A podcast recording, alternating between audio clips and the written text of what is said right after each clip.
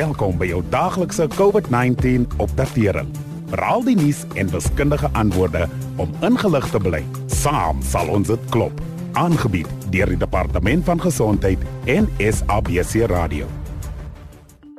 Sondag aand het ons die nuus ontvang dat die minister van gesondheid, Dr. Zweli Mkhize, en sy vrou, Dr. May Mkhize, albei positief getoets het vir COVID-19.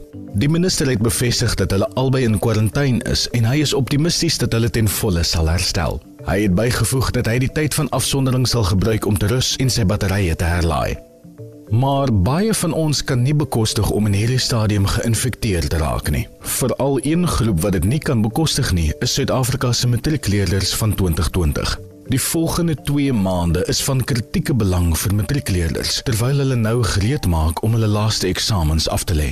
Die sluiting van skole en afstandonderrig het 'n moeilike jaar op die terrein van onderwys net nog moeiliker gemaak en dit kan vir hulle rampspoedig wees om nou die virus op te doen.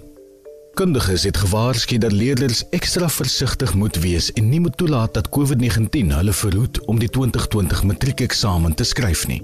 Enige iemand wat met COVID-19 gediagnoseer is of selfs net vermoed dat hy of sy dit het, moet 10 dae lank in kwarantyne gaan of self-isoleer. Sulke leerders sal hulle eindeksamens misloop en dit volgende jaar moet inhaal, wat 'n ernstige impak kan hê op hulle planne om in 2021 te studeer of te werk. En dit geld nie net vir leerders in matriek nie. Alle ouers moet alle leerders daarmee bystaan om die skooljaar veilig af te sluit. Terwyl daar steeds soveel onsekerheid is oor wat die toedrag van sake in skole en universiteite volgende jaar gaan wees, gaan ouers 'n rigtinggewende rol moet speel om hulle kinders se akademiese loopbane weer op dreef te kry.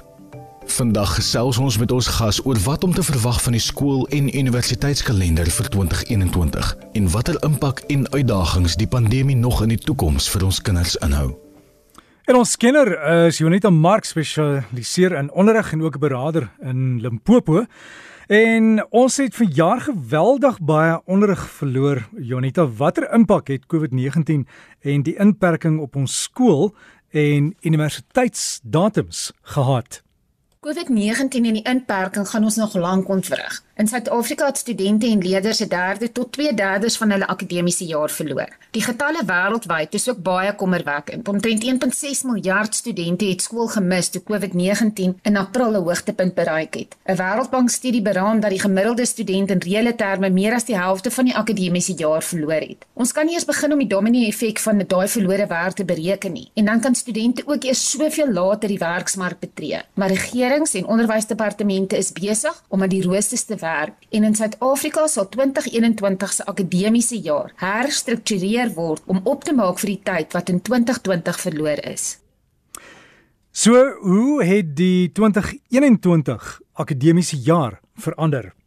Soos dit nou lyk, begin 2021 se skooljaar op 25 Januarie, nes effens later as gewoonlik. Die belangrikste verandering vir 2021 is eintlik dat die tersiêre akademiese jaar later begin en as gevolg daarvan dat die matriekuitslae eers later bekend gemaak kan word.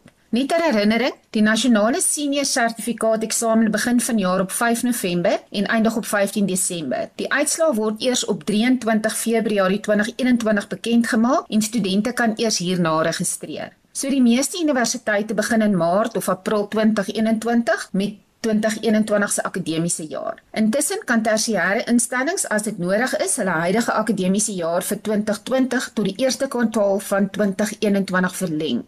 Ek moet hier beklemtoon dat alle studente wat universiteit of college toe wil gaan, nog steeds die spesifieke instelling se sperdatums vir aansoeke en indienings moet volg. Hoor asseblief so gou moontlik by hulle om seker te maak jy mis nie enige belangrike datums nie. En Jonita, is daar enigiets wat ouers kan doen om hulle kinders te help om weer op datum te kom? Die belangrikste ding wat ouers kan doen, behalwe om met lesse self te help, is om aan te hou om met onderwysers te kommunikeer en om seker te maak hulle kinders vervorder en bly by.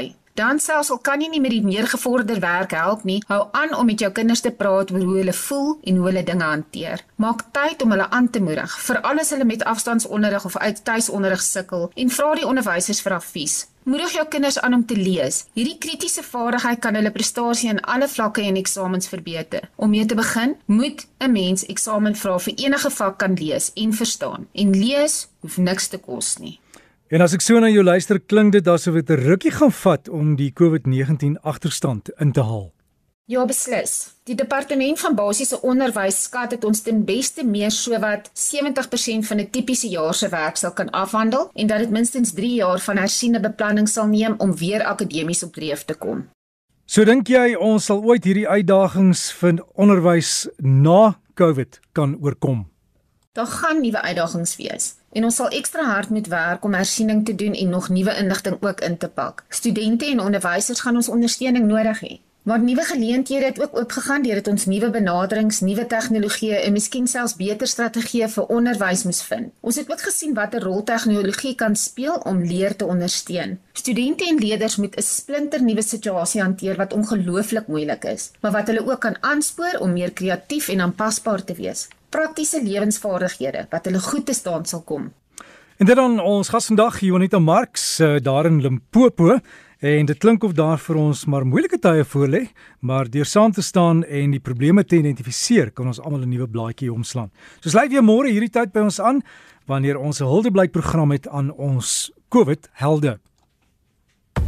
Dankie dat u geluister het na die daglikse COVID-19 inligtingstuk aangebied deur die Departement van Gesondheid en SABC Radio in samewerking met die Solidariteitsfonds. Wees veilig, bly gesond.